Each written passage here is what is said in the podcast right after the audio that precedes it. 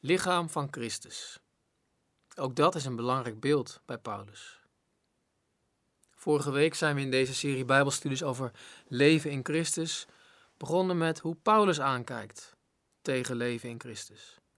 We keken naar het beeld van kleding. Als je gedood bent, heb je Christus aangetrokken. Vandaag een ander beeld. Lichaam van Christus. Verbonden met het avondmaal. Paulus gebruikt het beeld van het lichaam op verschillende manieren. Soms maakt Paulus duidelijk verschil tussen Christus als het hoofd en de kerk als zijn lichaam. Op die manier vind je het beeld lichaam van Christus in Paulus' brieven aan de gemeentes in Efeze en in Colosse. Ik kan daar nu niet veel over zeggen. In mijn boek Leven in Christus ga ik er uitgebreider op in.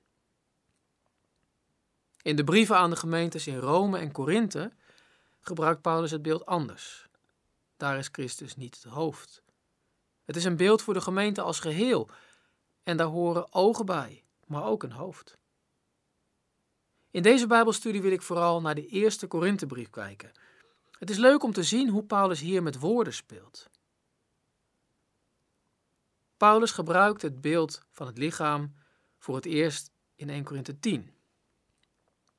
Paulus wil niet dat we leven in de sfeer van afgoden en, in de, en demonen, maar in de sfeer van Jezus Christus. Wat gebeurt er wanneer mensen toen in de tempel kwamen van een of andere godheid en meededen aan een offermaaltijd? Paulus zegt dat je dan in de sfeer van de demonen komt en één wordt met die kwade geesten. Kijk maar in 10 vers 20. Meedoen met afgodendienst, eten aan de tafel van de demonen brengt je ook in die sfeer. Dat moet je niet willen als christen. Want 10 vers 16 en 17, als je avondmaal viert en aan de tafel wijn drinkt en brood eet, gebeurt juist het omgekeerde. Door de wijn word je één met het bloed van Christus. En maakt het brood dat wij breken ons niet één met het lichaam van Christus? Omdat het één brood is, zijn wij, hoewel met velen, één lichaam, want we hebben allen deel aan het ene brood. Wat betekent lichaam hier? Als het eerst gaat over bloed en dan over lichaam, dan denk je toch aan het lichaam van Christus als stierf aan het kruis en opstond uit de dood. Maar Paulus gaat direct verder. Door het ene brood worden we allemaal één lichaam. Paulus speelt dus met dat woord lichaam.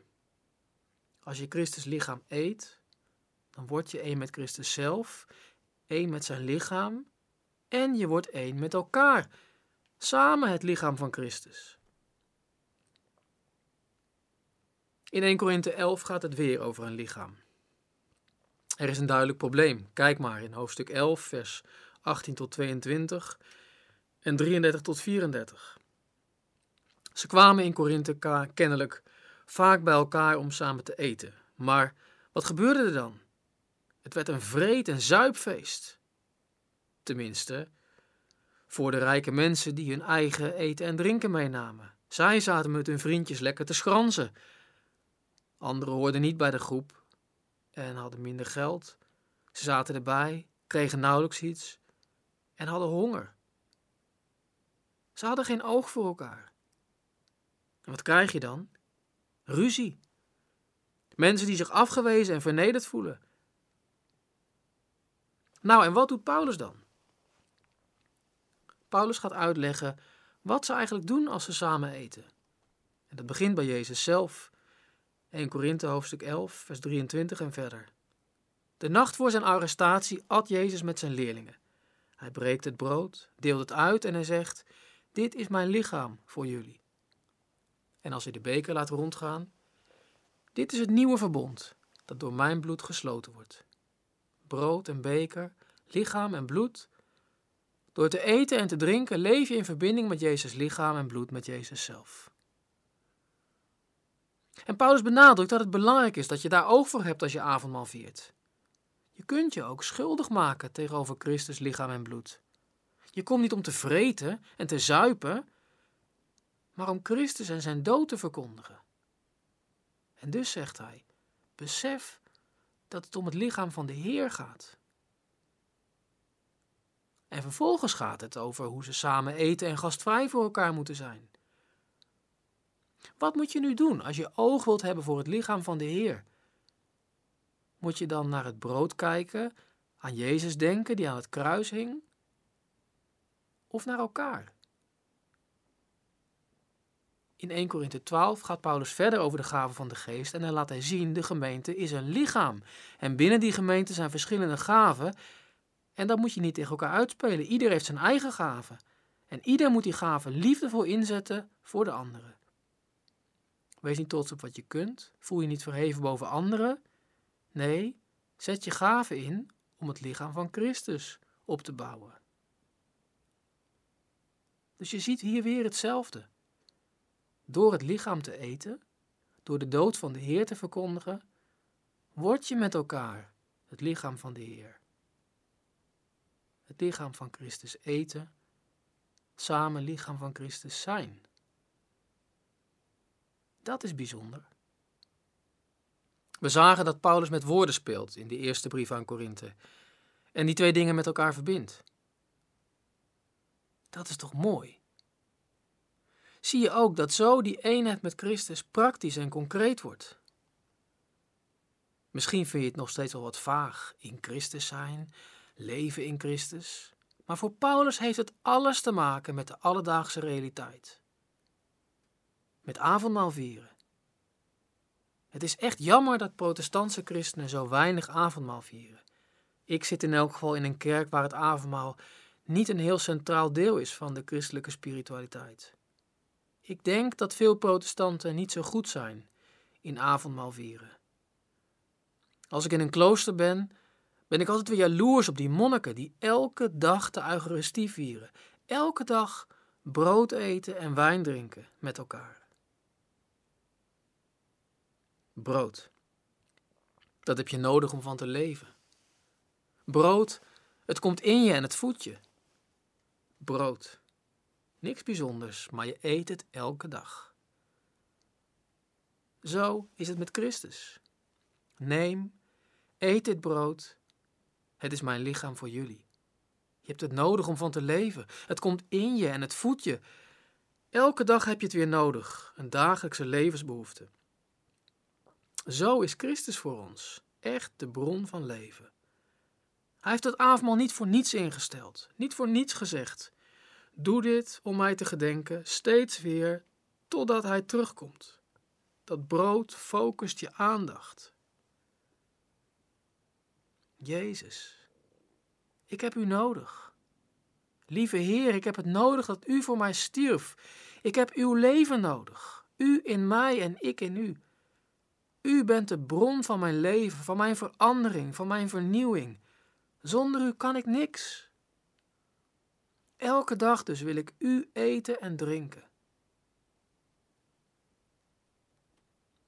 Avondmaal maakt Jezus de betekenis van Jezus, de eenheid met Jezus, tastbaar en concreet. Je aandacht wordt erop gericht. En dus leer avondmaal te vieren. Oefen je daarin. Doe het. Dat is belangrijk. Maar let op, het is niet vrijblijvend. Brood eten en wijn drinken breng je in de sfeer van Christus en van de levende God. Wat wil je dan? Ook nog één zijn met de demonen. Dat kan toch niet?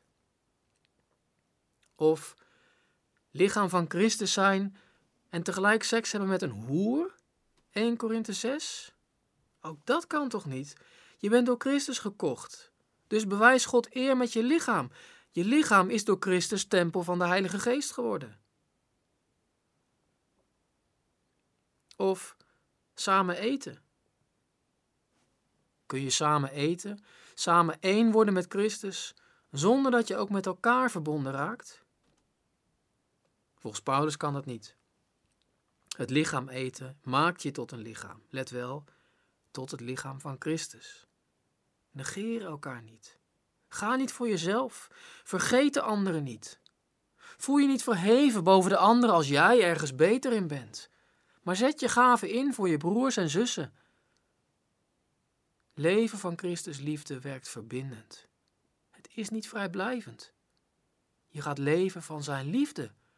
En dus, dus ga je leven in liefde voor elkaar. Als een christen op zijn eentje blijft, dan is, dan is er iets misgegaan. Zo is het niet bedoeld. Christus verbindt ons aan zichzelf en elkaar als één lichaam. Hoe vindt u dat? Ik vind het niet altijd makkelijk. En kijk eens hoeveel mensen van kerk wisselen. Hoeveel verschillende kerken en gemeentes er zijn. Het ideaal van Paulus is zo anders. Eén avondmaalstafel, één gemeente waarin mensen elkaar opbouwen, in plaats van bij elkaar weg te lopen. Daarom is het een belangrijke en confronterende vraag. Hoeveel oog hebben jij en ik werkelijk voor het lichaam van Christus? Je kunt ook veroordeeld worden als je het lichaam van Christus negeert. Kijk maar naar Paulus' waarschuwing in 1 Korinthe 11, vers 30 tot en met 34. En veroordeeld worden is niet de bedoeling. Misschien word je dan nu wel door God gestraft, zegt Paulus. God wil je iets leren. Hij wil niet dat je met de wereld veroordeeld wordt. Vers 32. De bedoeling is, is anders. Dat wij als christenen samen lichaam van Christus zijn in die wereld. En als we dat zijn, dan is Christus aan ons herkenbaar, herkenbaar voor die wereld. Dan kunnen mensen die Christus zoeken Hem vinden. Wij kunnen spreken als de mond van Christus. Een arm om iemand heen slaan als de arm van Christus. Iemand zien met de ogen van Christus. Luisteren als met de oren van Christus. Helpen als de handen van Christus. Wat een wonderlijke werkelijkheid is dit. Door het lichaam van Christus te eten, de Heer te gedenken, oog voor de Heer te krijgen, samen lichaam van Christus te zijn.